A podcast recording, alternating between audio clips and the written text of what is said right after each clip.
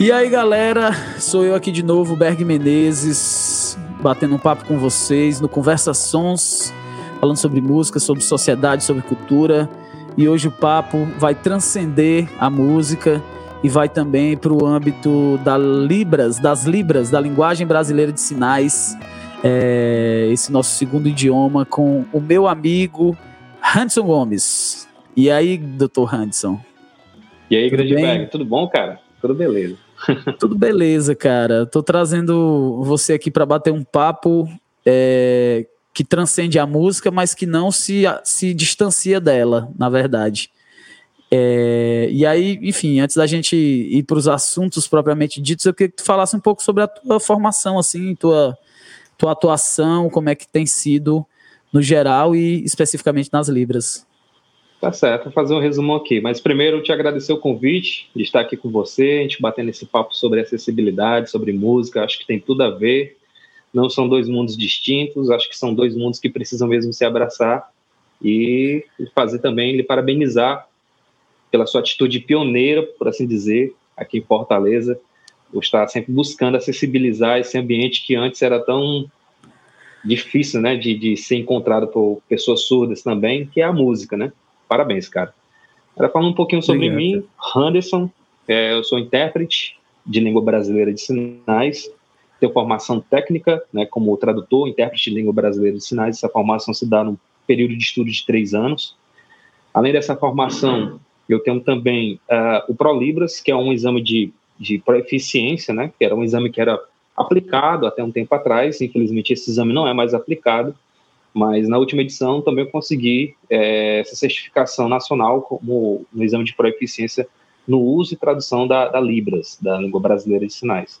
Cara, e trabalhando eu já tive a experiência de passar em muitas áreas, né? Tanto no âmbito educacional, como também agora no, nos mais recentes, né? Que é na cultura, na música, em cima do palco, né? Com bandas, com artistas, que está sendo um mundo e uma experiência extremamente enriquecedora, algo muito positivo mas como também no âmbito empresarial, né, que é onde eu tenho me é, é onde eu tenho passado mais tempo trabalhando. Já são mais sete anos de experiência dentro de, de uma empresa de tecnologia. Então, assim, são mundos diferentes. Você sair do âmbito educacional para você ir para um âmbito empresarial e depois você se arriscar aí para o artístico. São mundos diferentes quando se, quando se trabalha com, com Libras, né, com tradução. Pode crer. Então tem uma experiência aí tua que tangeu assim várias áreas, né? E, e, e isso também eu acho que deve ser legal para o intérprete de libras, né? Para um tradutor, é, porque por serem áreas diferentes tem também é, é, é particularidades, né? Quer dizer, existe conteúdos que você traduz em, em, tecnologia que você não necessariamente traduziria em música ou que você traduz no âmbito institucional ou, sei lá, em outros âmbitos que você atua que não, não tem o mesmo vocabulário, digamos assim, né? É, é verdade, não. Como você falou de forma bem clara, né? É, existe hoje várias, várias áreas de atuação para o intérprete, né? E um intérprete, por exemplo, que trabalha no meio político, né, ele tem um vocabulário voltado para aquela área, né, que é a área política, com as suas terminologias, com as suas fraseologias e as suas técnicas de traduções, né? E aí o intérprete na área educacional, inclusive dentro da área educacional existem níveis né, de tradução, porque se você está numa área educacional lidando ali com o Fundamental 1, Fundamental 2, né, que são crianças, é, então você precisa ter uma didática diferenciada ao tratar com, com esse público, né? E essa didática muda quando você vai para o ensino médio, né? Lidar com surdos adolescentes que já têm uma outra desenvoltura, que já utilizam a Libras de uma forma mais livre, mais solta, que já consegue se expressar de uma forma mais autônoma, né? Então, assim, dentro existem essas áreas, né? E a área educacional em si existem níveis, né? Dentro da, da área educacional eu pude galgar algumas experiências desde o fundamental, fundamental 2, ensino médio e também ensino superior, onde eu tive né, a oportunidade de trabalhar em algumas faculdades, traduzindo para surdos que estavam ali né, no seu processo de formação de sua graduação. Tive já experiência de, de aproveitar e, e, acompanhar os surdos em diversos níveis de formação, e isso foi muito bacana para mim. E agora Cara, falando é... sobre. Ah, pode falar? Não, não, pode continuar. Eu achei que tu tinha concluído, mas pode continuar. Pois é, que eu lembrei aqui que você estava falando sobre essa questão das diferenças, né? E, e, é um outro mundo quando você sai da educação, vai para uma empresa, mas quando você vai para a área artística, né, para a área de música, cara, é um outro mundo, é uma outra metodologia, é necessário uma adaptação muito muito interessante, uma adaptação que eu posso dizer assim bem desafiadora, mas no final o resultado ele é sempre muito gratificante. Trabalhar com arte tem sido muito gratificante. Cara, é, é, é, a minha pergunta era exatamente sobre como tu tem atuado em, em várias, várias frentes. É, se tu já consegue identificar, eu acho que toda experiência nova que tu tem deve entrar também nessa disputa. Mas se tu já consegue identificar aptidões tuas maiores ou, ou preferências, tipo assim, ah, eu gosto mais na área de educação, tipo, a música ainda é um desafio, tipo assim, tu já consegue identificar, é, porque tem uma diferença também entre o que tu acha mais interessante de trabalhar e o que tu sente que tu se encaixa melhor, o teu perfil, é, inclusive teu perfil de personalidade, de, de, de, atuação. O que é que tu, tu enxerga nesse ponto de vista, assim? É, se tratando de arte, né, quando falando sobre atuação dentro da arte, né? Eu tive o prazer de traduzir algumas peças teatrais, também já tive o prazer de subir para traduzir algumas bandas, Berg Menezes, com certeza. Então, assim, tem, tem sido para mim ainda um lugar onde eu tenho pisado com muita cautela, né? É uma área nova para mim, tenho começado a subir nos palcos, né, com as bandas e com artística, com, e com artistas, né, há menos de, de dois anos. Então, assim, é um lugar onde eu estou pisando com muita cautela, estou estudando muito ainda, estou tentando entender como o público recebe a tradução, né, que é gerada nesse trabalho. Então, assim, é, é, é, tem sido ainda bem desafiador. Então, se tratando de conforto, por enquanto, para mim, a área que eu atuo atualmente, que é dentro de uma empresa de, de tecnologia da informação, tem sido um lugar mais confortável, né? Porque são sete anos já trabalhando nessa área, então você acaba criando metodologias, você cria estratégias, você conhece bem, de forma bem aprofundada o glossário, né, os verbos que são utilizados naquele meio. Então, assim, para mim, com certeza, é, é, mais confortável, mais viável a área empresarial, na área que eu atuo atualmente, onde eu trabalho atualmente. É, eu sempre, o pessoal que eu tenho conversado, eu sempre dou uma olhada como a pessoa se resume nas redes sociais, né? No Instagram, prioritariamente. E o teu Instagram, Hans, ele não tem nenhuma informação, né? Ele é só uma foto, assim, não tem, não tem assim, uma autodescrição tua, né? É, apesar de tu atuar na área de tecnologia é, e, e, na comunicação dentro da área de tecnologia, claro, é, como é que é para ti essa relação com as redes sociais e, e, e não só a tua relação pessoal? a tua relação da, das li, da, eu não sei se é da Libras ou é das Libras, acho que é da Libras, né? É, da língua, né? Então, como é da é que é a tua relação do, da Libras, né? Como é que é a, a tua relação com as redes sociais e como é que tu enxerga Libras nas redes sociais? Rede social tem um poder comunicacional gigantesco, monstruoso, tanto para o bem quanto para o mal. É, a minha perspectiva, o meu ponto de vista sobre as línguas de sinais né, dentro da, das redes sociais é como se essa tecnologia tivesse nascido de fato para as línguas é, é, visoespaciais, né? no caso a Libras. Porque os surdos, né, falando mais diretamente do público, né, da comunidade surda, eles se apropriaram de uma forma muito forte né, das tecnologias como WhatsApp, Instagram, Facebook, todas essas tecnologias que permitem fazer videochamadas, né, onde eles podem colocar fotos do seu dia a dia, onde eles podem expressar por meio de imagens aquilo que eles estão sentindo, eles se apropriaram de uma, de uma forma muito forte, né? É como se essa tecnologia tivesse de fato nascido para eles.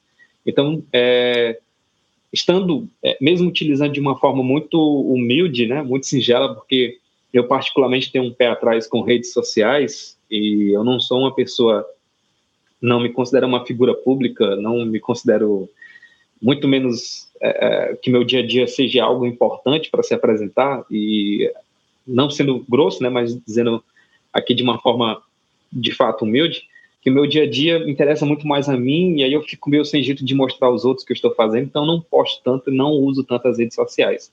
mas mesmo assim, com o uso que eu faço das redes sociais, eu consigo perceber como os surdos, como a comunidade surda, elas interagem de forma muito forte, né, através das redes sociais, de videochamadas, em WhatsApp, em, em ou outras redes sociais que permitem esse tipo de comunicação. Então, é, veio para agregar, veio para ajudar, veio para globalizar de forma é, essas comunidades que até um pouco tempo atrás elas estavam muito soltas, mas hoje um surdo aqui do Brasil consegue se comunicar de uma forma muito aberta, muito clara isso, ou seja, já está existindo uma internacionalização das línguas também, né, como a gente pode observar. Isso tudo é muito interessante. Então, para mim, esse é o ponto positivo das redes sociais quando se trata de, de, de comunidade surda. Legal, cara, legal. Eu tenho, eu tenho essa mesma visão que você, na verdade, sobre a questão do, das possibilidades das redes sociais. Eu acho assim, na verdade, que é, é, a tecnologia ela sempre serviu à humanidade para transpor as limitações, né? Então, assim, quando vou, quando a, uma, vou falar de uma tecnologia muito antiga, o domínio do fogo, a, a roda, a, sei lá, criar armas é, para caçar ou para. Quer dizer, ela sempre surgiu para transpor limitações, né? Então, as redes sociais, elas, quando bem usadas, e as tecnologias, e hoje cada vez mais se tornando mais acessíveis. Eu estava até vendo que existem aplicativos que medem isso, né? Você entra num site e tem uma espécie de extensão que você consegue ver quão acessível aquele site é, é, é ou não, né? E, é. e, e, essa, e esse objetivo é de transpor. W36. W36, exatamente. Essa, essa possibilidade de transpor uma, uma dificuldade, uma limitação, uma. Um, um, um, enfim, é, é tem que ser, no meu ponto de vista, um, uma, uma, um objetivo da, da, do desenvolvimento tecnológico. Quer dizer, se o desenvolvimento tecnológico ele é só para criar conforto e, e autoexaltação do ser, ele perde um pouco a função. Ele precisa, ele precisa ser é, algo para transpor aquilo que, que de alguma maneira nos impede de ser melhores, de ser, enfim, eu acho que eu acho que a tecnologia se torna cada vez mais acessível. Eu, eu, as minhas ressalvas, na verdade, eu acho, é, é, que tem uma tem um esforço ainda muito limitado dos governos e a própria sociedade ainda não não compreende a dimensão de, de universalidade das coisas. Não só quanto a, a, pessoas com deficiência, enfim, pessoas cegas, surdas, enfim mas a, a, noção de universalidade, ela é sempre a universalidade do meu ponto de vista e não a universalidade de verdade, né? Quer dizer, vamos pensar em todas as possibilidades ou, ou na grande parte delas. Então, tem muitos desafios nisso e eu acho que as redes sociais elas podem ajudar como podem atrapalhar também, né? É, enfim, é, cara, eu, eu, eu eu queria saber agora um pouco mais sobre essa aproximação com as artes, né, e com a música, porque por um lado, é, eu imagino que seja um desafio muito grande essa coisa da de, de entrar num, num, num, é como talvez um, um, um, cara desse que é o, o, o, lutador do MMA que luta na categoria sei lá o que que ganha todos os prêmios e aí um belo dia ele diz assim não eu vou para outra categoria que eu quero também ser campeão ali.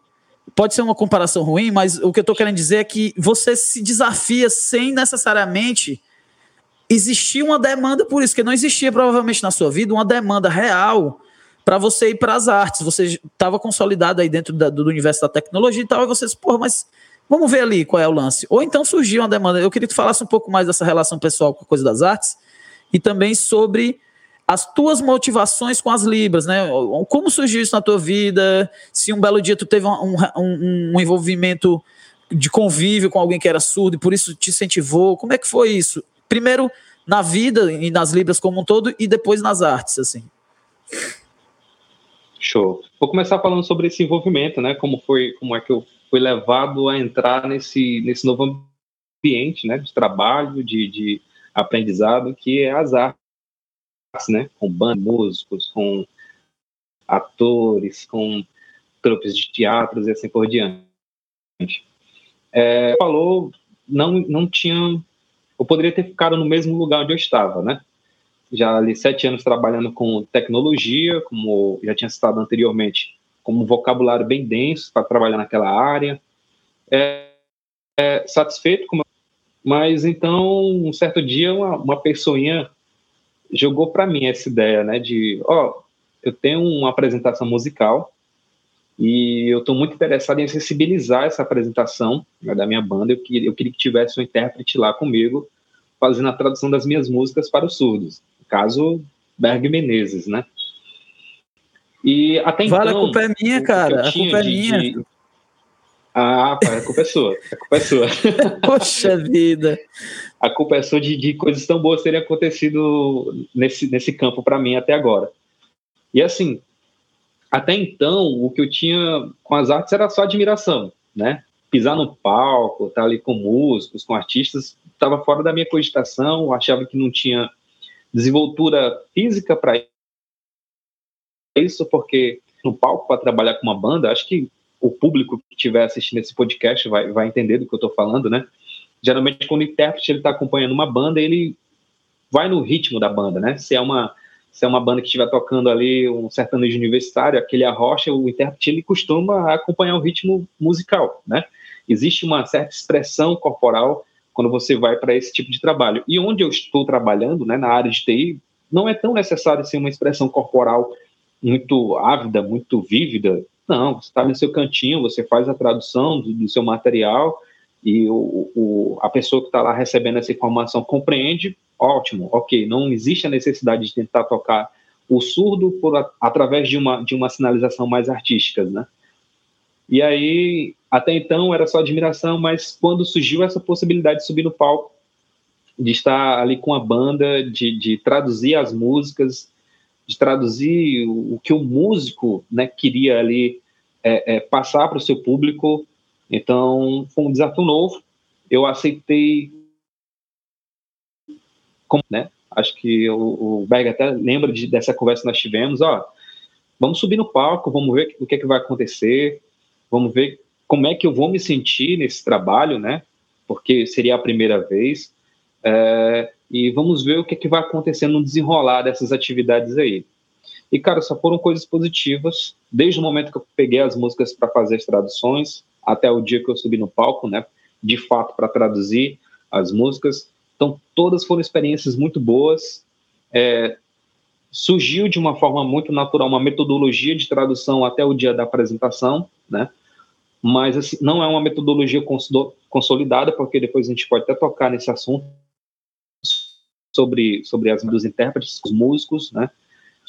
Ou então a gente pode aproveitar essa ocasião aqui e já lançar uma crítica também, né? Cara, é, pode ficar à vontade, Hans. Na verdade, é, eu acho que isso aí é, é extremamente relevante no ponto que você está tocando, assim. Porque é, público, né, que estiver assistindo agora, o que é que vocês vão perceber? Quando um artista ele chama um intérprete para fazer a tradução, né, do seu evento, da sua música, ele reserva um cantinho, né, um cantinho assim, para o intérprete. Lá é o espaço de atuação de trabalho do intérprete, né? Mas o quanto disso transmite sensibilidade, o quanto disso transmite a paixão que a banda né, quer passar com a sua música, né? Será que aquele espaço ali de atuação é o suficiente? Então, assim, fizemos uma primeira apresentação no palco, né, a convite do Berg Menezes, e, e já foi, para mim, diferente. Por quê? Porque eu não era só um intérprete num cantinho. Né? Eu era uma pessoa, um tradutor, uma segunda voz do cantor, é, traduzindo aquela música para um público, acessibilizando para um público específico que eram surdos. E a metodologia que foi utilizada, né, como já citei, foi o intérprete junto com a banda, e isso foi legal porque eu pude é, ali meio que, que, interagir com os músicos também, com o Álvaro, baterista, com o Pedro, guitarrista, o Calvé, o baixista, e muito mais com o vocalista, né? Que a gente sempre se olhava ali, eu percebia a energia do vocalista, então é uma outra vibe, é uma, é uma outra atmosfera, e eu acho que talvez esse seja o caminho mais assertivo para se traduzir músicas para o surdo, né? Agora também vai muito do quanto o músico, né, tem de vaidade, né, ou então de humildade para aceitar que uma segunda figura esteja ali dividindo o palco com ele também, né? E eu achei isso muito bacana. É, outras pessoas com quem eu tive a oportunidade de conversar, outros amigos profissionais, intérpretes também. A Ellen já teve a, a chance de trabalhar com você também. Sim. E, e, a gente trocando essa ideia, a gente, poxa, que legal o, o Berg ceder tanto espaço para acessibilidade e ter esse ponto de vista tão construtivo nesse caminho de comunicação com o público surdo também. É, é um então desafio, eu acho.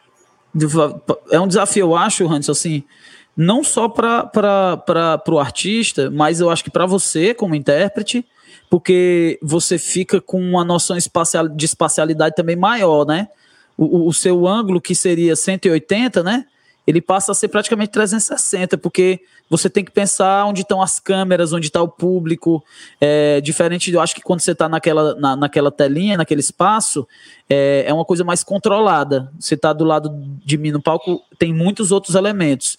É um desafio para quem registra isso, né? Para quem está filmando nas lives, para o próprio público que está ali, como é que ele vai. Principalmente, eu acho que para quem faz o registro, e é uma coisa que a gente está tentando construir, eu acho que é de entender que, a, quer dizer, vamos lá, vamos pegar um exemplo assim muito muito prático.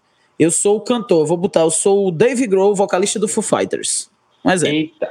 Aí eu tô lá, Dave Grohl, vocalista do Foo Fighters. Toda vida que o Dave Grohl canta, o telão dele aparece o rosto dele cantando. A partir do momento que o Dave Grohl tivesse ali um intérprete de Libras junto com ele, eles teriam que os dois aparecer sempre. Então, o conceito o conceito de, de, de, cinematográfico da coisa precisa ser ampliado para entender isso. E o próprio Dave Grohl, com o intérprete que está ali do lado dele, precisa entender que também ele não pode fazer alguns movimentos que podem prejudicar isso visualmente. Se eu não posso cantar sem um microfone, o intérprete não pode traduzir sem uma câmera. Não é? Eu, como o vocalista, não posso abandonar o microfone se eu abandonar o microfone e eu, e eu não cantar no microfone, não chega. Do mesmo jeito, o intérprete não pode abandonar a câmera, nem a câmera abandonar ele. Então é uma construção do palco que tem uma outra perspectiva, que é uma perspectiva visual de que você precisa estar na tela praticamente o tempo inteiro, exceto nos momentos onde não tem letra. Mas mesmo nos momentos onde não tem letra, você também está interagindo de outras maneiras.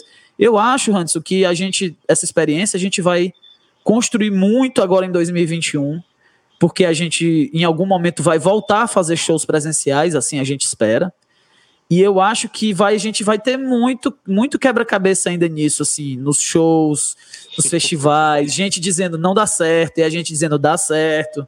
E, ah, mas é muito mais fácil se eu botar o, o intérprete assim numa telinha com fundo branco no cantinho assim, mas quem disse que tinha que ser fácil, né? A gente está se desafiando é. numa outra parada, né? É como, como você falou, né? Existe todo um estudo, né? É, toda uma reestruturação daquilo que já era utilizado, né? Para você inserir esse novo personagem, né? E quem sabe aí, nesses estudos que nós estamos fazendo, a gente não cria uma fórmula para que isso possa ser replicado por outras bandas, por outros músicos, Exato. e a acessibilidade se torne uma coisa muito mais real, né? Porque existe esse é, é isso que eu falo padrão. quando eu falo da história. É isso que eu falo quando eu falo da história da universalidade. Eu vi um show, um festival, que tinha um intérprete de Libras, ele estava num ponto ok, dava para ver ele, ele estava iluminado, mas assim, ele não estava no telão. Quem estava mais longe não conseguia ver ele. Então, assim, é, não adianta colocar só para cumprir tabela. Só faz sentido ter se chegar nas pessoas. E eu acho que é esse o desafio que a gente está tentando exercitar. Enfim, eu acho que você pode falar mais sobre isso, mas eu tenho pensado muito sobre isso. Que é esse cara, e aí, o que é que eu quero com isso? O que é que. Por quê? Por que chamar um intérprete? Quer dizer, eu precisava, alguma coisa me obriga? Não, então é porque eu quero, é porque eu acho importante, é porque eu acho é, é interessante, eu acho que constrói, inclusive esteticamente, visualmente e sonoramente também, porque você traz elementos ali que podem replicar no som. Então, e aí, então beleza, então vamos fazer e não precisa ser como todo mundo faz, a gente pode achar um jeito de fazer também, né? Com certeza. E aí, como eu estava falando anteriormente, né, a gente estava ali aceitando, né, fechando propostas para a gente subir ao palco, trabalhar juntos ali, eu como intérprete, banda atuando é, musicalmente, então estávamos começando a construir um, um, relacionamento que dura até hoje, né? Acho que mais de um ano já que nós estamos trabalhando juntos. Mas assim, foi a minha primeira experiência. Depois disso, tive um feedback positivo da banda, é, tive um feedback positivo de outras pessoas que assistiram também. E melhor ainda, foram as portas que se abriram justamente para esses estudos. Do Berg, da Thaís também, que, que é a nossa produtora, do, de algumas conversas que eu tive com o Álvaro, que é o baterista, né, que ele sempre ele sempre quer muito, né, que o intérprete interaja com a banda, e eu acho isso muito bacana.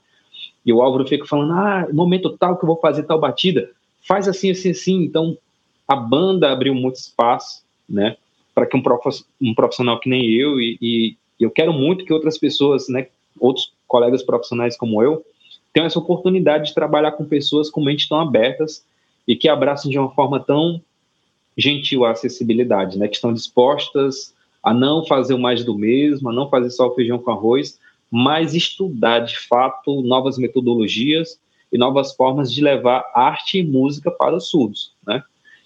E aí, Berg, falando sobre esse, esse lado artístico, né, que, de atuação do intérprete, eu tenho que lhe dizer que Libras nasceu para arte, né?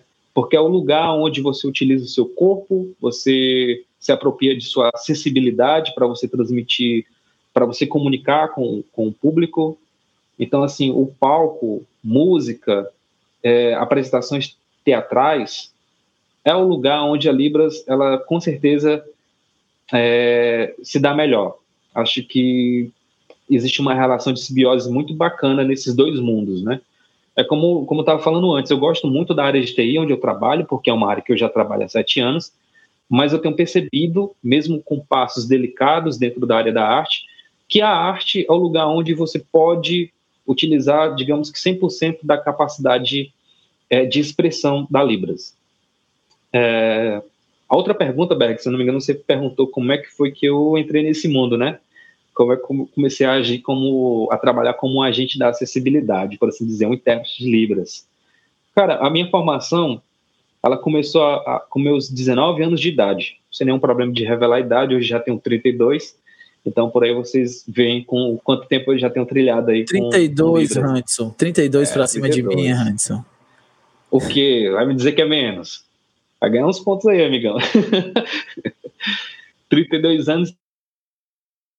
Então, desde os 19, como? É, em grupos religiosos, né? Dentro da religião onde eu costumava frequentar, existiam alguns surdos que iam lá e a gente acessibilizava, né? para eles, o que estava sendo pregado né, lá da tribuna para eles. Mas até então não, não, tinha noção de que poderia se tornar minha profissão. Pra, até então era só um trabalho voluntário que eu estava ali desempenhando. Até que algumas pessoas começaram a perguntar: oh, por que tu não faz o curso, curso de Libras? Eu, curso de Libras?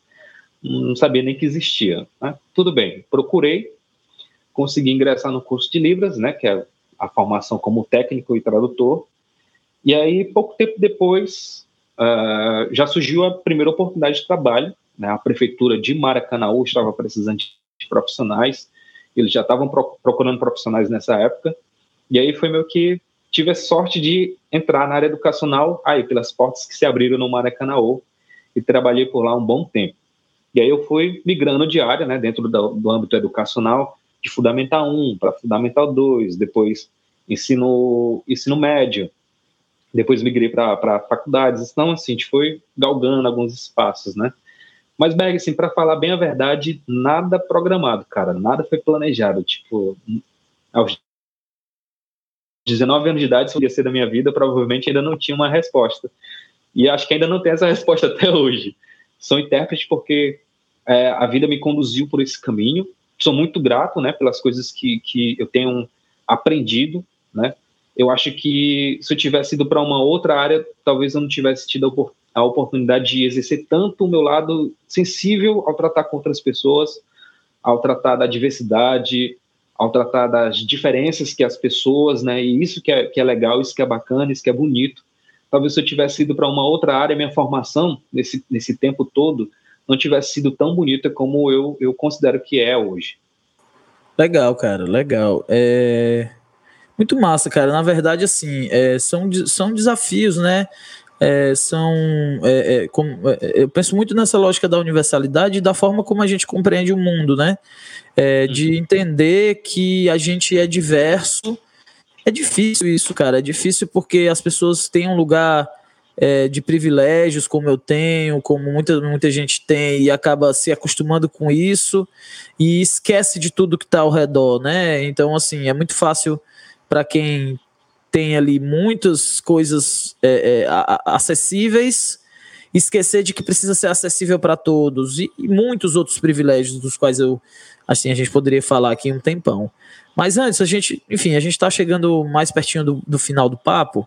É, é, e aí eu, eu acho assim, eu acho que deu para a galera entender que você te, atua na, nas libras, na libras, você trabalha é, em frentes diferentes. Eu acho que isso não é algo que as pessoas nunca tenham ouvido falar, imagino eu que as pessoas já estejam vendo até um pouco mais hoje em dia, quer dizer, no, no, no, horário político, nos programas de televisão, quer dizer, é uma coisa que tem surgido que está um pouco assim. Você pode não querer enxergar, mas você tá ali, entendeu? Quer dizer, é uma coisa que está um pouco se tornando cada vez mais posta. E aí eu te pergunto assim, chegando para essa parte final assim do nosso papo, é, quais são as perspectivas que tu vê? E aí eu falo do grande guarda-chuva de Libras, mas falo também desse guarda-chuva menor de Libras e artes. É, é, a gente sabe que a gente vive um, um, um governo que é muito difícil de ver, inclusive, qualquer coisa de positivo, mas a gente até já tinha conversado uma outra vez de que talvez alguém, que a gente não sabe exatamente quem, dentro do governo é, atual, do governo federal, Parece que tem alguém, alguma, alguma, alguma resistência, uma abelhinha, uma formiguinha lá dentro que a gente que acha, eu pelo menos tenho essa impressão, que insiste nessa coisa da, da acessibilidade. Então parece que tem um, um, um, herói, uma heroína da resistência que consegue é, é, puxar esse assunto e esse assunto acaba passando no meio de tantos assuntos que são tratados de forma absurda. É, como, como tu enxerga essa perspectiva no Brasil? É, de Libras como um todo e da, de Libras e artes, hoje, assim, e para frente? Ó, Libras e arte. Vou começar com Libras e arte, tá ok? Porque isso vai abranger também Libras como um todo em outros, outros ambientes também. É, os surdos, eles não estavam acostumados a terem apresentações teatrais, até filmes, alguns filmes que saem na internet que são, que são traduzidos também. Os surdos não estavam acostumados a receber é, o show do Wesley Safadão ou o show de outros cantores aí acessibilizados na sua casa. E agora eles, eles experimentaram isso, né? E agora foi apresentado para eles esse mundo. E é como um filósofo, infelizmente eu esqueci quem, quem falou isso, mas a mente de, do ser humano, quando ele expande, nunca mais ela volta para o seu tamanho anterior, né? É só dali para cima, né? Pra... E então, ou seja, os surdos eles foram apresentados para esse mundo e com certeza eles não vão querer regredir para o estado anterior, que era de absoluto descaso, de que de não ter acesso àquela informação. O que é que está lá na mídia rolando? Ah, não foi acessibilizado para mim, então deixa para lá. Não, hoje eu vejo que os surdos eles já estão se impondo mais. Eles pedem, né, quando eles veem que tem alguma apresentação musical em forma de live no YouTube ou no Instagram, e essa live ela não foi acessibilizada, eu já percebo alguns comentários deles pedindo por intérprete de Libras, né? Ou seja, a minha perspectiva, Berg, é de que agora, né, os próprios surdos, eles vão querer cada vez mais, né, que outros materiais, não só musicais, como também teatrais, sejam acessibilizados cada, cada vez mais, né? E a minha perspectiva é de que futuramente esse, esse, esse campo, essa área vai se expandir mais, com certeza. E algumas pequenas resistências, alguns músicos, como já citei você, tem muita preocupação em estudar novas metodologias. E eu tenho certeza que em algum lugar desse mundão lindo deve ter outros artistas, outros músicos pensando também em possibilidades de acessibilização. Então, à medida que esses, esses estudos, ou à medida que essas metodologias forem, que mais ainda vai existir acessibilidade e a Libras ainda vai estar mais atuante dentro da, das artes, né? tanto no âmbito musical como também de apresentações cênicas.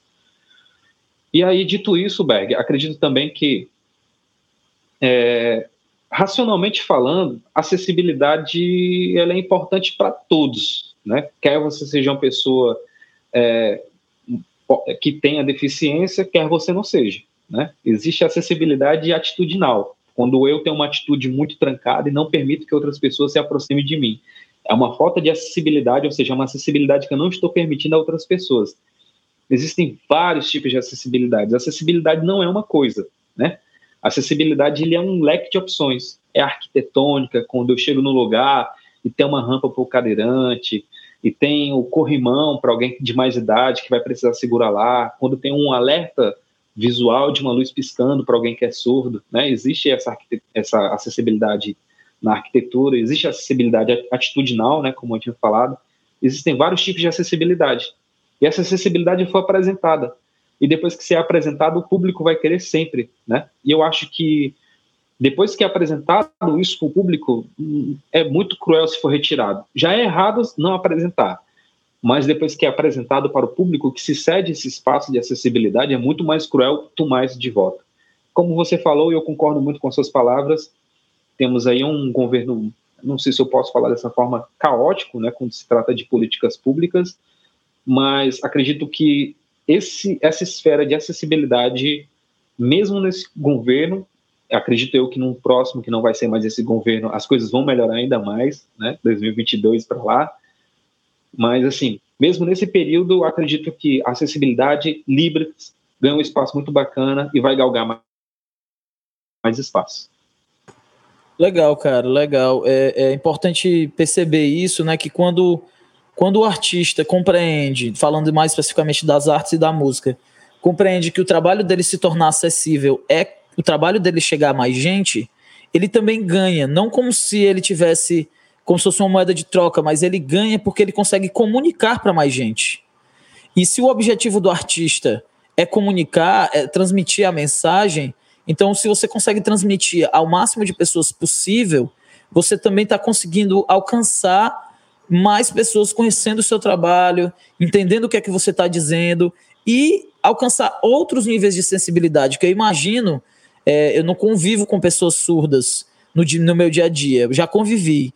É, eu imagino que as pessoas surdas tenham outras sensibilidades que às vezes não são tão afloradas na gente que está com a dimensão do som, é, talvez num show, como a primeira, né? Então eu imagino que uma pessoa surda, quando ela assiste um show, ela percebe coisas que a, o, as pessoas ouvintes talvez não percebam, porque o som está em primeiro lugar e as outras dimensões é, ficam aquém. Então eu acho que trazer Libras é, é permitir às pessoas surdas que elas dialoguem essas dimensões de sensibilidade que elas têm, mais afloradas, com a compreensão do conteúdo e com a, a interpretação, né? Porque quando você está traduzindo no palco comigo para as pessoas surdas, você não está dizendo exatamente o que eu disse, você está dizendo a sua forma como intérprete de, de entender o que eu falei. Quer dizer, é como se a minha música fosse cantada por outro cantor, de fato, uma outra pessoa que está interpretando uma música minha no palco, no show dela. Só que a gente está junto, então a conexão ela se faz ali na hora, né? ela é uma energia que é criada e que faz com que você se conecte ou não se conecte. Você pode estar pensando no boleto, pode estar pensando na dor de barriga e pode ter um dia que você não se conecta. As bandas são assim: um dia o baterista atrasa, um dia o baixista é, é, é, erra uma nota, o guitarrista quebra uma corda. Quer dizer, é, faz parte do processo. Mas eu compreendo que essas dimensões, isso é o que mais me interessa assim nesse processo também, sabe, Hanson? É entender todas as camadas de percepção, sensorialidade e, e que isso pode chegar nas pessoas. O quão bem isso pode fazer para as pessoas e, e, o quão bem pode fazer também para mim e para minha arte, né? É uma via de mão dupla, né? A gente não está só dando, a gente está dando e recebendo, né? E por último, que tu falou sobre essa questão de, a partir do momento que a gente apresenta é, tirar é muito cruel, isso é um desafio tão grande, cara, porque a gente começou a acessibilizar os conteúdos e, assim, pra gente ainda é impossível tornar tudo acessível, né? A gente criou um documentário, por exemplo, que é um documentário grande, com muita informação, que a gente não conseguiu acessibilizar por completo. Tem, tem clipes que ainda não tem tudo isso. Quer dizer, é um desafio, a gente está né, num processo. Tem as pessoas cegas também que a gente quer poder contemplar também com audiodescrição. Mas assim, é, como diria, como diria o tio Ben ao, ao Peter Parker, você sabe muito bem, Hanson, grandes poderes trazem grandes responsabilidades, né? Com certeza. E aí a gente agora está com essa responsabilidade, que é de a gente criou um desafio e a gente precisa dar conta dele. Mas eu tenho certeza que com, com você ao nosso lado e outros parceiros também das, de Libras, a gente continua nessa empreitada. É, enfim, eu agradeço demais a sua presença. Antes, deixo aqui o espaço para você enfim, se quiser é, é, passar aí algum, algum, algum, alguma consulta, algum site, algum canal que para a galera conhecer um pouco mais sobre esse trabalho de Libras no geral e o trabalho de Libras com artes também, eu deixo espaço para você indicar e fazer as suas considerações finais. Pois é, considerações finais, agradecer o espaço que você se deu para a gente conversar um pouco. Tá falhando um pouquinho, Hanson, não estou te ouvindo bem. É, porque aqui o fone desligou. Você está escutando desligou. melhor agora? Estou escutando um pouco melhor, vai, pode falar. Então, eu quero agradecer o espaço para a gente Falhou de novo. Falhou, Hanson.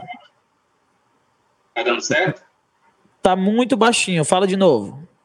Tá um momentinho. Deixa eu ver se eu consigo.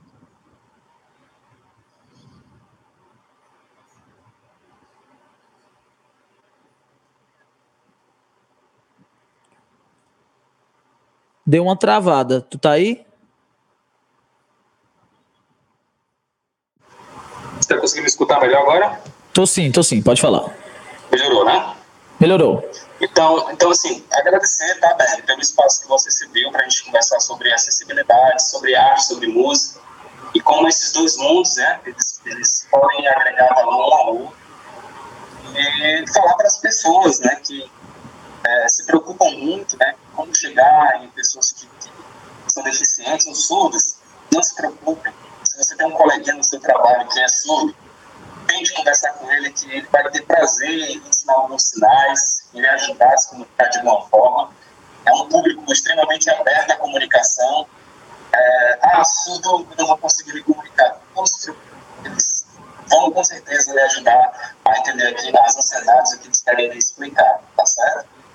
Material de estudo, infelizmente, não vou ter nenhuma hora de leite para indicar, mas se vocês querem aprender sinais, o YouTube hoje é um diretório gigante de sinais, existem os criadores de conteúdo do YouTube que ensinam né, como aprender de forma básica e vocês podem experimentar é, algumas dessas aulas que estão disponíveis no YouTube também. E é isso, acho que só tenho a agradecer mesmo e finalizar minha fala aqui com esses agradecimentos ao Berg e esse convite. Massa. Brigadão, Hanson.